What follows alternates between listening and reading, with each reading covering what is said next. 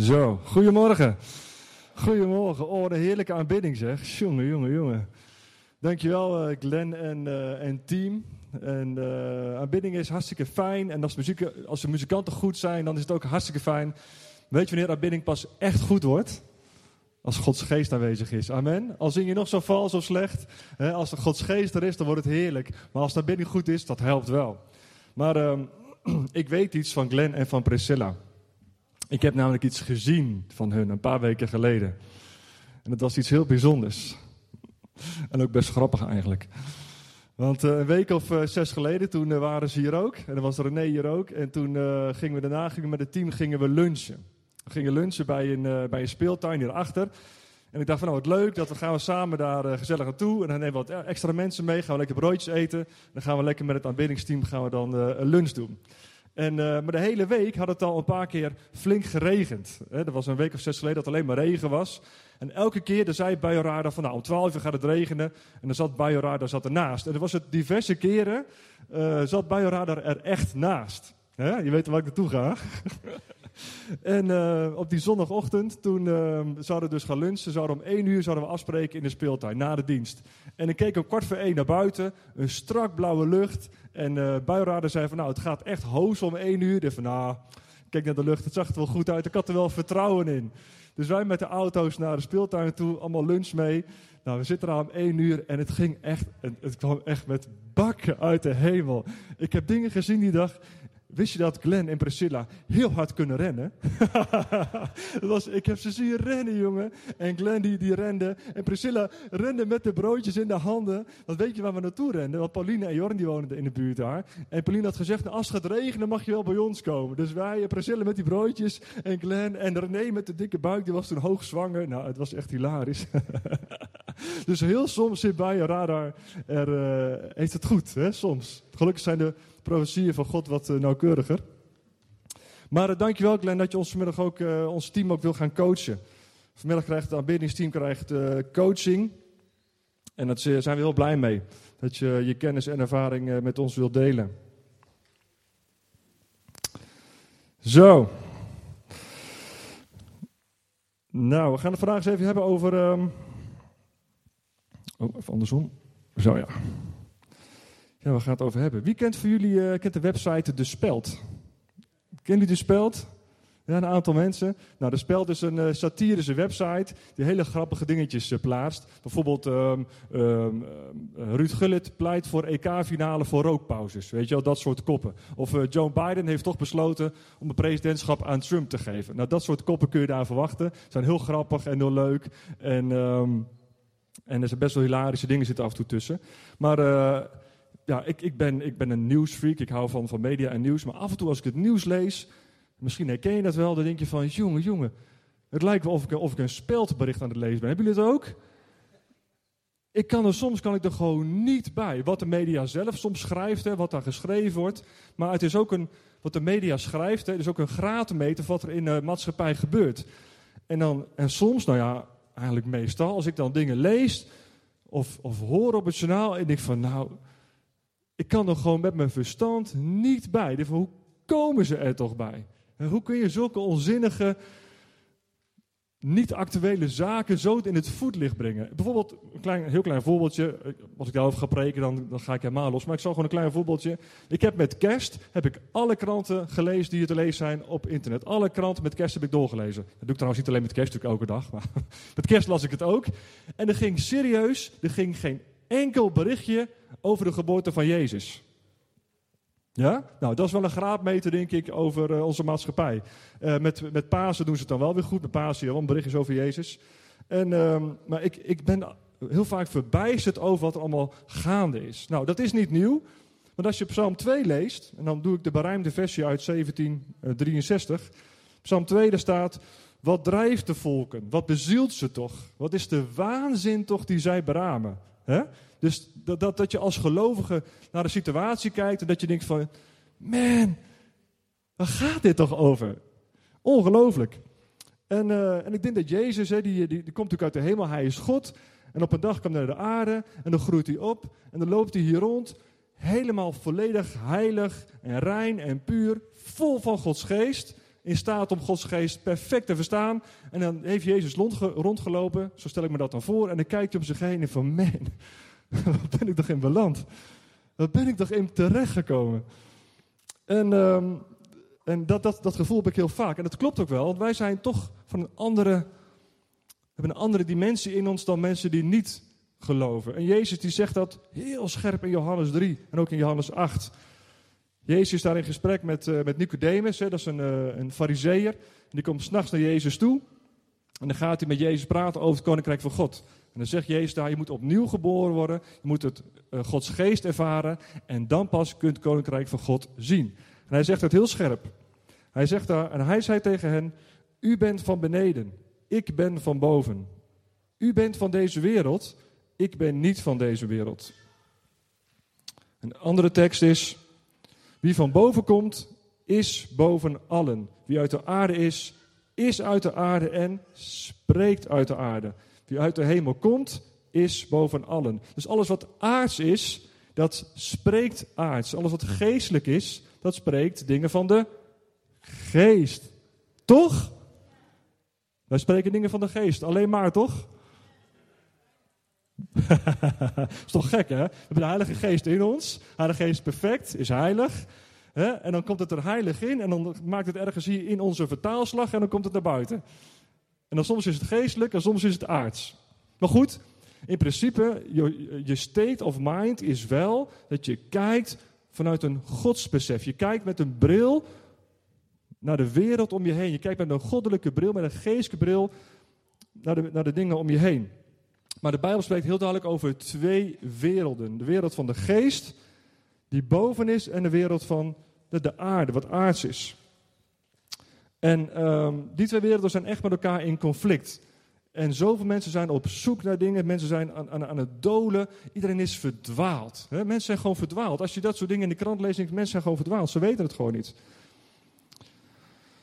Nou, maar het goede nieuws is, er is voor iedereen liggen er twee plannen klaar in de hemel. God heeft voor iedereen persoonlijk hier, voor de mensen thuis, twee persoonlijke plannen. Twee boeken die klaar liggen voor elke persoon. En de vraag is, is jouw boekje al opengegaan? Zijn allebei je boekjes opengegaan? Op welke bladzijde ben je? Ben je misschien bij het begin? Of zit je bij de inhoudsopgave? Of zit je al in de derde, vierde hoofdstuk?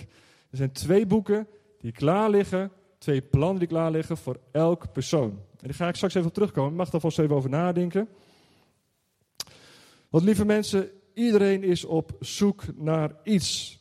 En dat is best wel bijzonder, want God heeft namelijk in elke persoon, elk mens, heeft hij iets gelegd. Een verlangen, een onvervuld verlangen.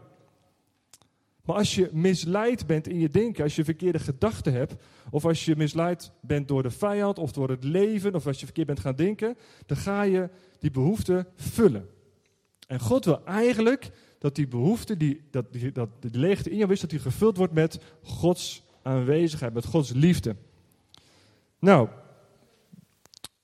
maar als je dat niet weet, of als je dat niet verteld wordt, dan ga je soms hele vreemde dingen doen. Bijvoorbeeld uh, in liefde, in seks, new age, occulte dingen. In liefde. Nou mensen, hoeveel mensen verliezen zich wel niet in relatie of in liefde? als je al die bladen en internet staat vol met, met liefdesverhalen en, en gebroken relaties. En man, wat een ellende. Weet je wel? Het is natuurlijk logisch dat je als mens wil connecten.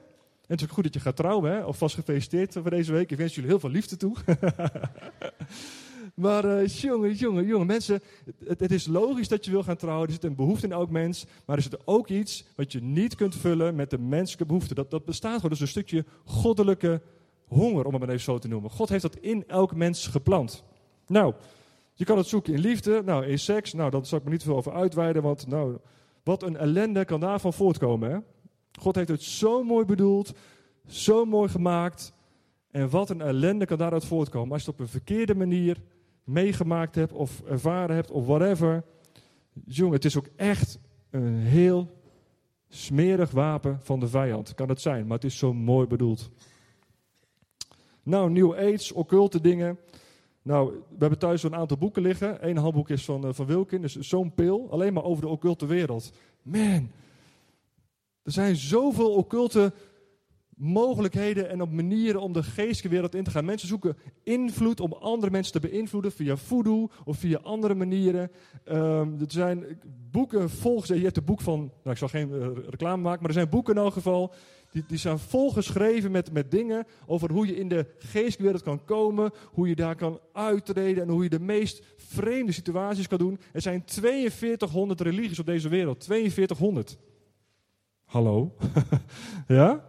En al die mensen die verbonden zijn aan die religies, die zoeken één ding en dat is gewoon Jezus. Ja? Het klinkt zo simpel, het antwoord is Jezus, maar het is ook echt waar. Voor jou, voor ieder persoonlijk hier, is het antwoord Jezus. Voor de maatschappij, voor Zutphen, voor ons land, voor de wereld, is dat echt het antwoord. Heel veel dingen die nou in de kranten staan die je leest, zouden opgelost zijn als minimaal de helft van de wereld zich al bekeerd zou hebben. Dan zou heel veel dingen al gewoon niet eens meer een issue zijn op deze aarde.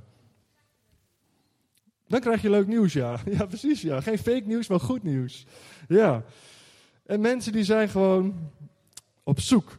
En misschien ben jij hier ook wel op zoek. En misschien denk ik wel van ja, wat zijn die twee boekjes dan, die twee plannen voor mijn leven? Wat heeft God dan voor mij klaar liggen? Nou, het thema voor vandaag is overwhelming power of overwhelming love. Heeft iemand hier een idee wat overwhelming betekent?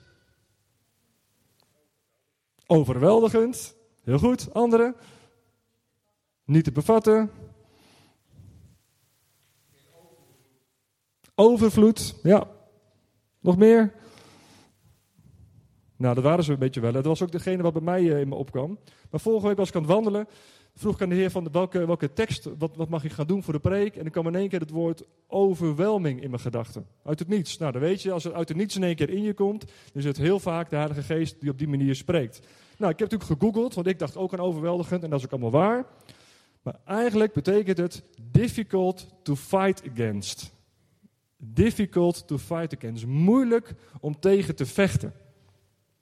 En something that is overpowering great in amount or strength. Something that is overpowering great in amount or strength. Iets is overweldigend groot in aantal of in kracht. En het is moeilijk om er tegen te vechten. Ik voelde er gelijk een klik mee. Heb je dat niet?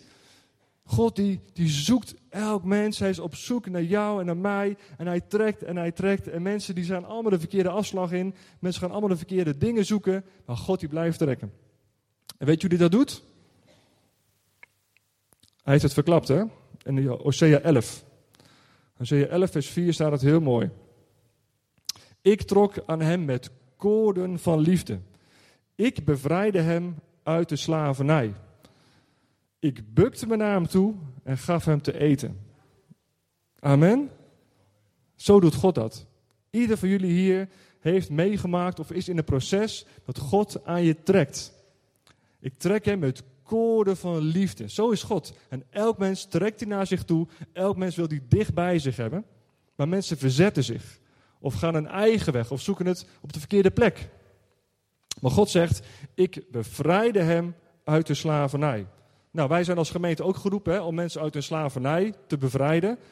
Nou, waar, waar kun je aan denken? Nou, ik heb straks een heel rijtje. Maar in principe zijn dat eigenlijk gewoon uh, dingen waar je last van hebt, waar je aan vastzit. Zondige patronen, zondige dingen. Dat is waar God je van wil bevrijden. Hij bevrijdt je uit slavernij en hij trekt je naar zich toe met koren van liefde. En daarna bukt hij naar je toe en geeft je te eten. Ja?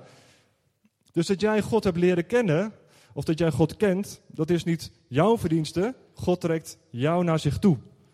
En dat doet hij de hele dag door, de hele week lang, 24-7 is hij bezig om signs te geven. Soms via Facebook, soms via een buurman. Elke keer probeert hij je om je dicht bij zich te trekken. Met koren van liefde. ken je dat gevoel? Je voelt gewoon, er is iets. Er gebeurt iets en ik loop vast in mijn leven, maar ik weet, er is iets, er trekt iemand aan mij. Nou, God heeft dan heel veel mensen getrokken. De Bijbel staat er ook vol mee. En waarschijnlijk heb je ook wel zelf wat voorbeelden. Bijvoorbeeld uh, Jona. Jona had de roeping. God trok Jona naar zich toe. En Jona zegt, ik ga niet naar Nineveh. Hij ging het schip op, wat de oude week ook vertelde. En hij uh, werd overboord gegooid, kwam in de walvis terecht. Is één voorbeeld van iemand die dus wegrende bij God. De volgende is Saul. Saul werd geroepen als koning van Israël. Wat deed hij? Hij verstopte zich. Ja? God riep hem, God trok hem naar voren, maar Saul verstopte zich en ze konden hem niet vinden. Hij was gewoon even pleiten, hij was verstopt achter de bagage. Net als ik, ja, jaren geleden. Mozes, God riep Mozes. Hij had een wonderbaarlijke redding had hij hem gegeven. Wonderbaarlijke manier was hij opgegroeid aan het hof. Heeft iemand vermoord. En uiteindelijk trok God hem naar zich toe na 40 jaar in de woestijn. Hij trekt hem naar zich toe. Hij, hij, zet zelfs een struik in de fik. God doet alles. En wat zegt Mozes? God zegt, Mozes zegt, ja, ik kan niet spreken. Stuur maar een ander. Stuur mijn broer maar. Ik kan niet spreken. Ja? Allemaal excuses. Jeremia, de profeet Jeremia, die hele bijzondere dingen heeft geprofiteerd. Wat zei hij? Hij zegt, ik ben te jong. Adam en Eva. Het perfecte spiegelbeeld van God. Adam en Eva waren echt perfect gemaakt. Weet je wel? Hoe wij nu zijn in onze staat van zijn, onze maatschappij is, we zijn ja, eigenlijk een beetje gedegenereerd. We zijn een beetje ontaard in hoe we zijn. God heeft Adam en Eva perfect gemaakt als een, als een reflectie, als een spiegelbeeld van hoe God is. Alles zat in Adam en Eva. En elk mens van ons hier nu zit ook iets van God. Ja? En dan mag je ook bij jezelf gaan ontdekken. Je hebt iets in je, of wel meer dan iets, wat van God is. Wat een stukje van Gods karakter is in jou. En Adam en Eva liepen zo dicht bij God. En God trok ze elke dag met, een, met zijn koren van liefde naar hem toe. Maar uiteindelijk hebben ze gezondigd. En wat deden ze? Ze verstopten zich. Ja? Ze renden weg van God. Simpson. Ook zo'n verhaal. Man, je zou maar Simpson zijn, hé. Ongelooflijk. Heb, heb, je dat wel eens gevisualiseerd, dat Simpson allemaal gedaan heeft? Hij heeft dus een, leeuw heeft er dus die bek opengetrokken en opengescheurd. Nou, een Filistijnen met een ezelskaak, ik weet niet wat hij allemaal gedaan heeft. Maar uiteindelijk heeft hij dat, dat, dat, dat liefdeskoord van God. God zegt, blijf dicht bij mij. Ik heb voorschrift gegeven. Ik wil dat je bepaalde dingen wel doet, bepaalde dingen niet doet. Maar uiteindelijk viel hij voor de liefde van een vrouw. En is hij voor de bel gegaan. En uiteindelijk is, er in zijn, in zijn, ja, is, hij gewoon, is het slecht met hem afgelopen. Omdat ook hij zich uh, niet aan het lijntje bleef van God. Het liefdeslijntje van God. Petrus heeft jarenlang met Jezus opgetrokken. In Gods liefde gezeten, in Jezus liefde gezeten. Uiteindelijk heeft hij Jezus drie keer verraden. En dat ook voorspeld. Jezus zegt, eer de haan drie keer gekraaid heeft, zou je mij drie keer verraden hebben. En heeft, dat heeft hij ook zo gedaan. Judas. Judas die was uh, vol van, uh, van geld. Judas die heeft jarenlang met Jezus opgetrokken, heeft wonderen en tekenen gezien, maar uiteindelijk was hij te veel gericht op het geld, op het aardse. Hij dacht van die zak met geld, die is voor mij. En precies zoals voorspeld, voorspeld stond in het Oude Testament, voor, uh, wat was het, 50 zilverlingen of zo, heeft hij Jezus verraden. En uh, heeft hij spijt van gekregen, heeft hij zich opgehangen. Omdat zijn, hij liet het touwtje met God liet hij vieren. Die liefdesband met God liet hij gaan. In plaats dat hij zei van nou, ik geef me over. Ik geef me over aan uw plannen. Zei hij van nee, ik ga, ik ga voor het geld. Hoe zou het nu met Judas gaan? Ik weet het niet.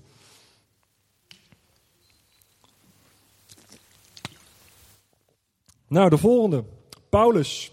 Paulus was vol van God, vol van kracht. Maar hij was misleid. Hij heeft de christenen, de eerste christengemeentes, heeft hij vervolgd. Hij heeft christenen gedood. Hij heeft acties op touw gezet om andere christenen te doden. Hij was echt een christendoder. Maar hij was vol van God. Hij was vol met van de wet en van de, van de profeet. Hij wist alles van God af, maar hij was toch verdwaald. Er is in, hem is iets wat gewoon niet oké was in zijn gedachten. Snap je? Dus ook dat, dat lijntje van liefde, de, de liefde van God, was een beetje losgelaten. Hij heeft zich niet aan de plan van God overgegeven. Nou, even wat voorbeeldjes van, uh, van dingen die situatie kunnen gebeuren als je eigenlijk jezelf niet helemaal overgeeft aan God. Maar God die is de hele dag bezig, Jezus de hele dag bezig om jou heel dicht naar zich toe te trekken.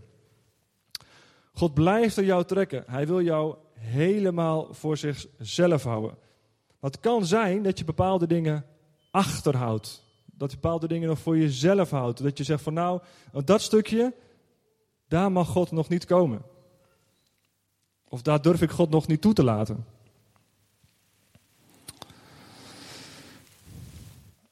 Maar ik wil je aanmoedigen om je helemaal je hele leven, alles wat je hebt en bent, in de handen van God te geven. God blijft net zo lang trekken tot je alles aan hem gegeven hebt. Dat is goed nieuws. En soms kan je die kant op rennen en soms kan je die kant op rennen, maar God blijft trekken. Hij wil jou helemaal. Maar dingen kunnen soms in de, in de, ja, in de weg zitten om je over te geven aan God. Bijvoorbeeld angst. Angst kan je heel erg tegenhouden. Angst voor andere mensen, angst voor de kerk, angst voor. Noem maar op. Je kan vastzitten aan zoveel vormen van angst dat het je gewoon weghoudt bij God. Dat, dat, dat je gewoon de bang bent om je over te geven. Snap je wel eens een keertje overgeven in een relatie aan iemand anders? Dat je zegt ja, ik heb me één keer iemand gegeven, maar ik ga me nooit meer aan iemand anders geven. En zeker niet aan God. Misschien je wel verkeerd God speelt. Misschien je wel het idee dat God heel streng is of een straffende God. heb ik jaren gehad. Ik heb jarenlang tegen God geworsteld. Jaren. Omdat ik gewoon dacht dat God het slechtste met me voor had. Ik was ervan overtuigd dat God echt persoonlijk tegen mij een kruistocht aan het voeren was. Alles wat misging in mijn leven, dat, was, dat kwam door God. God had het persoonlijk, persoonlijk echt te pik op mij. Dat, heb ik jaren gedacht. Nou, als, je, als je dat denkt, dan ga je aan zo'n God toch niet overgeven? Aan een God die, waarvan je denkt dat hij dus tegen je is, dan ga je toch niet aan overgeven? Dus hoe denk je over God?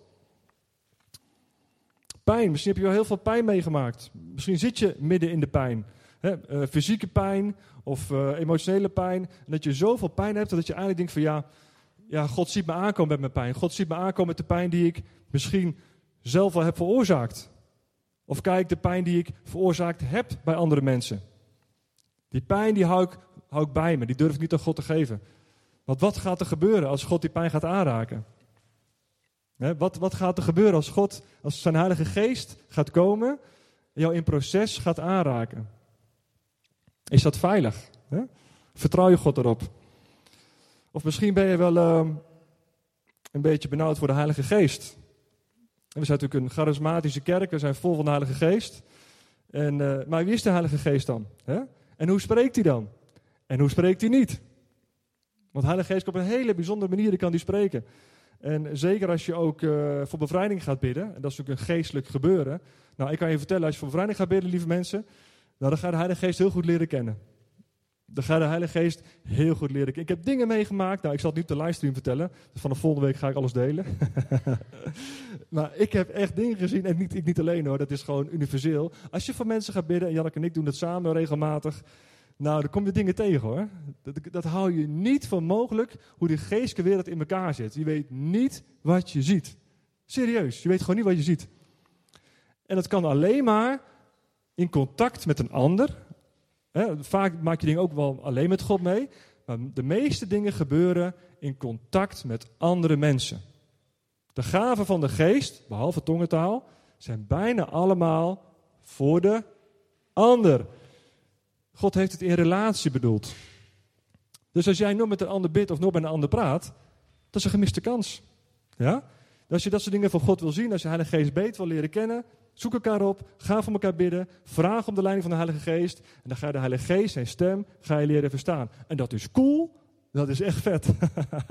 hey Janneke, wij hebben alleen afgelopen maand al bij dingen meegemaakt met de Heilige Geest. Jongen, jongen, jongen. Ik zou het boek over kunnen schrijven. Hè? Misschien moet ik het maar eens doen.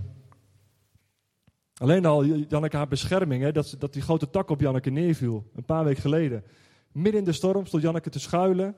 En de Heilige Geest zegt, ga fietsen, ga fietsen. Janneke die fietst en een, mega grote tak, nou, echt tot aan het plafond nog wel hoger daar, zo hoog. En die valt zo neer, vijf meter achter Janneke. Als Janneke niet had geluisterd, als Janneke de stem van de Heilige Geest niet had gehoord, was ze nou verpletterd geweest. Hè? Ongelooflijk. En dat soort dingen, ja, het is super belangrijk dat je Heilige Geest leert kennen. Het is ongelooflijk. Maar misschien ben je wel bang voor. Zeg je, nou, ik vind het een beetje spooky, of misschien een beetje zweverig, of het past niet meer bij. Het past heel goed bij jou. We zijn gemaakt om relatie te hebben met de Heilige Geest. Alleen, je moet goed onderwijs krijgen. Hoe spreekt de Heilige Geest wel en hoe spreekt hij niet? We zijn niet charismagisch. Hè? Ik heb er geloof voor dat dit en dat. Nee, we hebben er alleen geloof voor als God het gezegd heeft. Ja? En daar mag je ook gewoon in trainen. Mag je ontspannen ook uh, op een bepaalde manier mee omgaan. Nou, dan uh, zondige patronen kunnen je ook tegenhouden om je over te geven aan God. Wat zijn zondige patronen? Dat, zijn, dat bedoel ik eigenlijk mee dat je dus bepaalde dingen doet die in zichzelf niet zondig zijn, maar die je wel kunnen afhouden van God en waar je wel aan gebonden zou kunnen raken. Bijvoorbeeld social media. Ja. Hoeveel uur zit jij per dag op social media? En uh, gisteravond zat ik mijn preek voorbereiden. En Janneke was uh, even weg en de kinderen lagen op bed. Ik dacht van nou, heb ik mooi de hele avond de tijd om uh, me voor te bereiden op de preek. Ik heb gewoon twee uur lang zitten Facebooken. Ongelooflijk. Hoe kan het? Hoe kan het?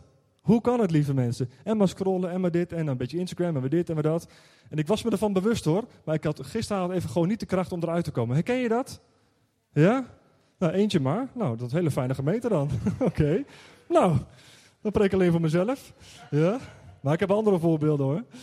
Maar lieve mensen, er kunnen afleidingen zijn die op zichzelf niet zondig zijn. Als je een keer twee uurtjes Facebook, er is echt niks aan de hand, weet je wel. Maar het moet niet het patroon gaat worden van verslaving, waar de vijand op gaat zitten. Want als je bepaalde deuren openzet, hè, dan kan het een, een gewoonte worden. En van een gewoonte kan het een zonde gaan worden.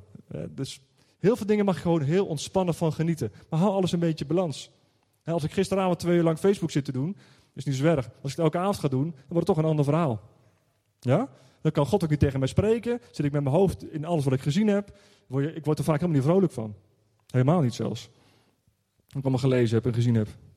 Nou, dan een zondig leven. Dat kan je ook weghouden bij God. Je hebt zondige patronen, maar misschien is het gewoon zo dat je echt een bepaalde zonde in je leven hebt. Nou, dan heb ik heel goed nieuws. Want dan is vandaag het goede moment om dat gewoon bij God te brengen. Moeten we dan gaan vechten en strijden? Moeten we dat dan tegen bidden en proclameren en dat soort dingen? Nou, heel soms wel. Soms moet je echt, als je er niet uitkomt, dat doen. Maar vaak is het gewoon een kwestie van Heilige Geest, ik wil u alle ruimte geven in mijn leven om mij te veranderen. Wilt u mij aanraken? Wilt u het in mij gaan doen? Op uw manier, op uw tijd. En uh, op die manier met de Heilige Geest gaan leven. Is dat niet heerlijk ontspannend? We hoeven niet, niet, niet te schreeuwen en te tieren en allemaal moeilijke dingen te doen. Heilige Geest, wilt u me helpen? En vertrouw je ook de Heilige Geest dat hij dan jou gaat helpen. En daarnaast is het goed om hulp te zoeken. Hè? Gewoon hulp zoeken bij de broeders en zussen om je heen. Soms moet je naar een psycholoog toe, soms moet je naar een dokter toe. Hè? Alle middelen inzetten. Maar als je in zonde leeft, als je echt een bepaalde zonde in je leven hebt, breek daarmee op een gezonde manier. En straks willen we ook voor je bidden. Maar laat het alsjeblieft los en geef het aan de Heilige Geest over. Dan, kritisch zijn. Nou, op zich is een kritisch naar dingen kijken niet verkeerd. Maar sommige mensen zijn altijd kritisch en oordelend en roddelend. Nou, dat is niet vanuit een geestelijke manier, niet met het godsbril naar dingen kijken. We mogen altijd het beste zien in jezelf. Je mag leren kijken naar jezelf op een positieve manier. Je mag leren kijken naar de wereld en naar de mensen om je heen op een positieve manier. Kijk je vanuit boven, vanuit de geestelijke wereld naar de mensen om je heen, of kijk je en spreek je vanuit een aardse manier? Je mag allemaal eens een keertje klagen, of als je tegen zit, mag je echt wel dingen zeggen van, nou, hè, ik heb echt een rotdag vandaag. Er is helemaal niks mis mee. En soms heb je wel een rot week. Maar, maar, als je altijd negatief kritisch bent, mag je dat bij de Heilige Geest brengen en vraag, Heilige Geest, wilt u mij hier alsjeblieft bij je helpen? Ik heb hier last van. Andere mensen hebben daar last van. Onreinheid. Seksuele zonde. Ja. Nou, ik ben het percentage even kwijt van hoeveel mensen daar aan vastzitten, maar het is enorm hoog. En ook in de kerk zijn er mensen die daar aan vastzitten. Dat is gewoon statistisch is dat zo. En ik weet het ook. En het zijn ook dingen die we ook gewoon met elkaar mogen delen. Hoef niet hier publiek, publiekelijk te zeggen. Maar gewoon als je last van hebt, zoek iemand op. En blijf niet in je eenzaamheid daaraan vastzitten. Er is hulp voor, er is gebed voor, er zijn pastorale vormen voor. Vergeving is ook zo'n iets waarbij God steeds aan je trekt. Kom alsjeblieft bij mij, ga met waarheid staan, luister naar mijn woord. Vergeving, lieve mensen, is een mega sleutel. Ja? Als je daar niet goed weet wat dat betekent, of wat dat inhoudt, of als je daar nog mee worstelt, geef het alsjeblieft aan. We willen je echt helpen, want de stappen van vergeving zijn ongelooflijk krachtig. Ik kan je verhalen vertellen van mensen die, die, die vergeving hebben geschonken aan anderen, of aan zichzelf, die hebben een compleet ander leven gekregen. Ja? Het Onze Vader, die spreekt er juist ook over. Meerdere keren. God wil dat je die ander loslaat. Het is niet van, nou, uh, zand erover en alles is oké. Dat is vergeving helemaal niet. Vergeven is dat je het recht op vergelding loslaat. Dat je erkent, er is mijn pijn aangedaan, of ik heb mezelf dingen aangedaan. Dat erken je. En het recht op van vergelding geef je aan God. Daarmee zeg je eigenlijk van, als ik diegene tegenkom, dan zal ik hem niet proberen uh, ondersteboven te rijden, of even een trap na te geven, of een lelijke opmerking te geven. ik probeer in liefde mijn wonden te genezen en ik, ik, laat je los, ik geef het aan God. Oh, mensen, mensen kunnen soms zo vastzitten in die, in die wrok, in die bitterheid. En het maakt je kapot. Het maakt je helemaal kapot van binnen. En die ander, die merkt er helemaal niks van. Ja? Want die wraak en bitterheid zit in jezelf. Dus mocht je daarmee te kampen hebben, alsjeblieft, kom straks naar voren. Of een ander moment, en dan willen we echt hier met je over praten. Jezelf vergeven, een ander vergeven en vergeven God ontvangen.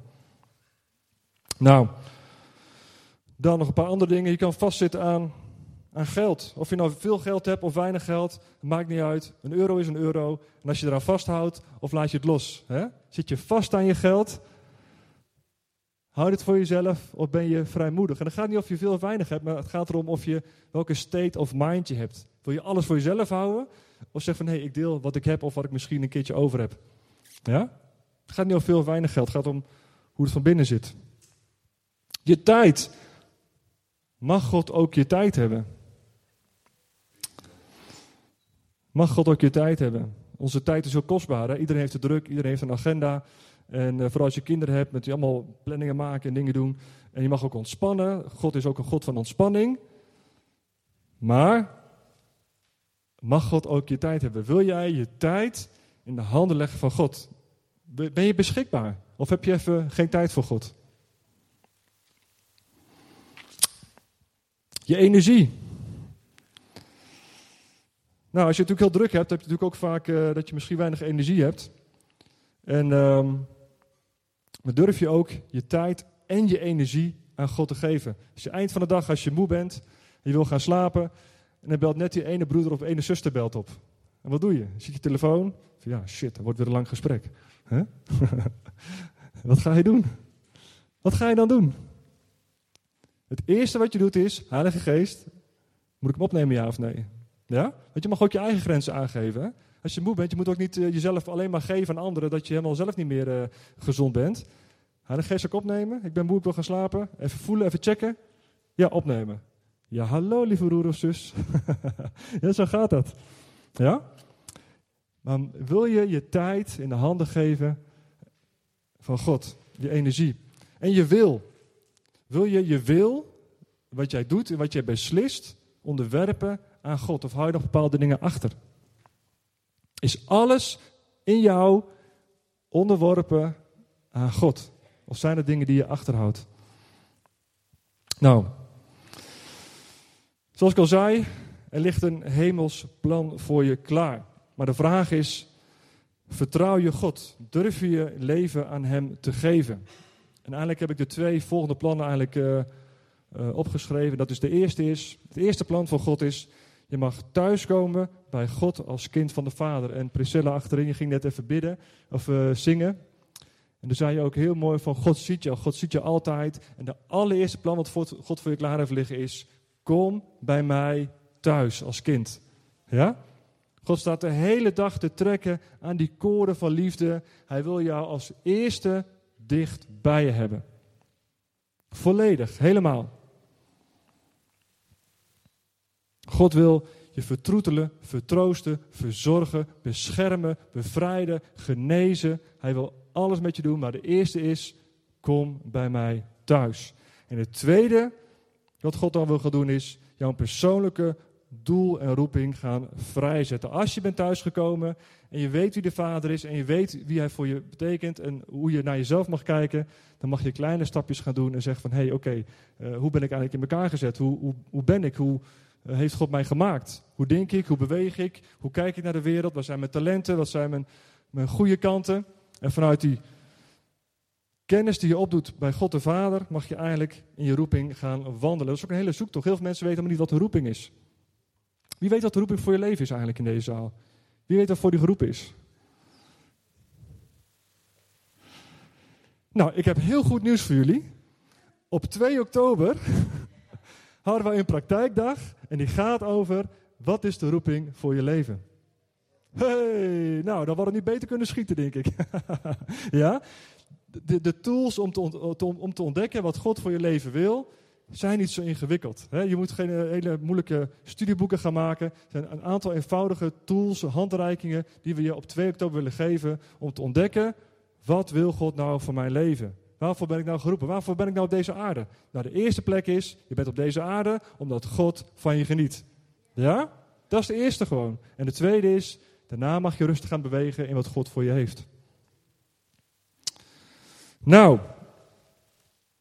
een beetje een open eind. Clem, mag ik je ehm, uitnodigen om wat muziek te maken?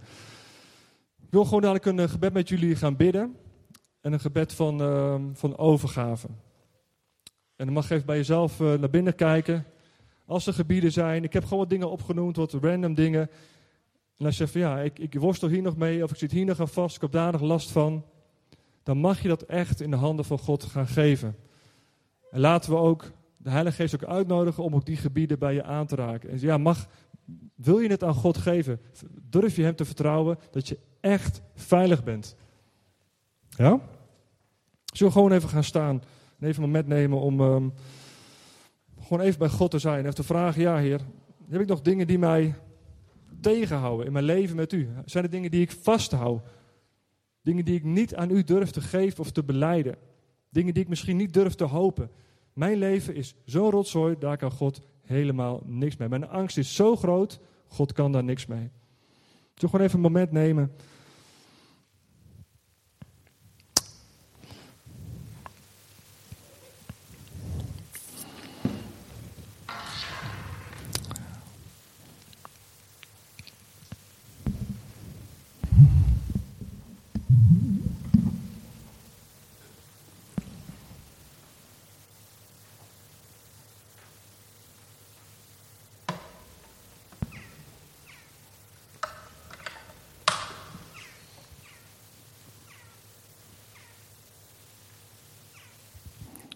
Nou, ik zal zo een uh, gebed voor jullie bidden. En als je dan wil, dan kan je straks een ander gebed uh, mij nabidden. Maar eerst zal ik je gewoon zegenen. Vader in de hemel. Want u al deze lieve mensen, Heer, die hier zijn of die thuis zijn, die vastzitten aan dingen, Heer. Die maar niet los kunnen komen, Heer, omdat ze bang zijn of het spannend vinden of het gewoon niet eens wisten dat ze daar vast zaten. Heilige Geest, dat u op dit moment ook, ook gaan rondgaan. Dat u rondgaan en mensen aanraken. Heilige Geest, wilt u uw liefde laten zien aan de mensen.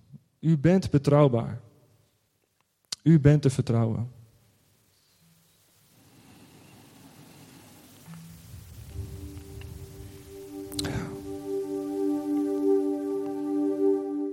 Als je wil, dan mag je me dit gebed uh, nabidden, hardop. Of gewoon voor jezelf.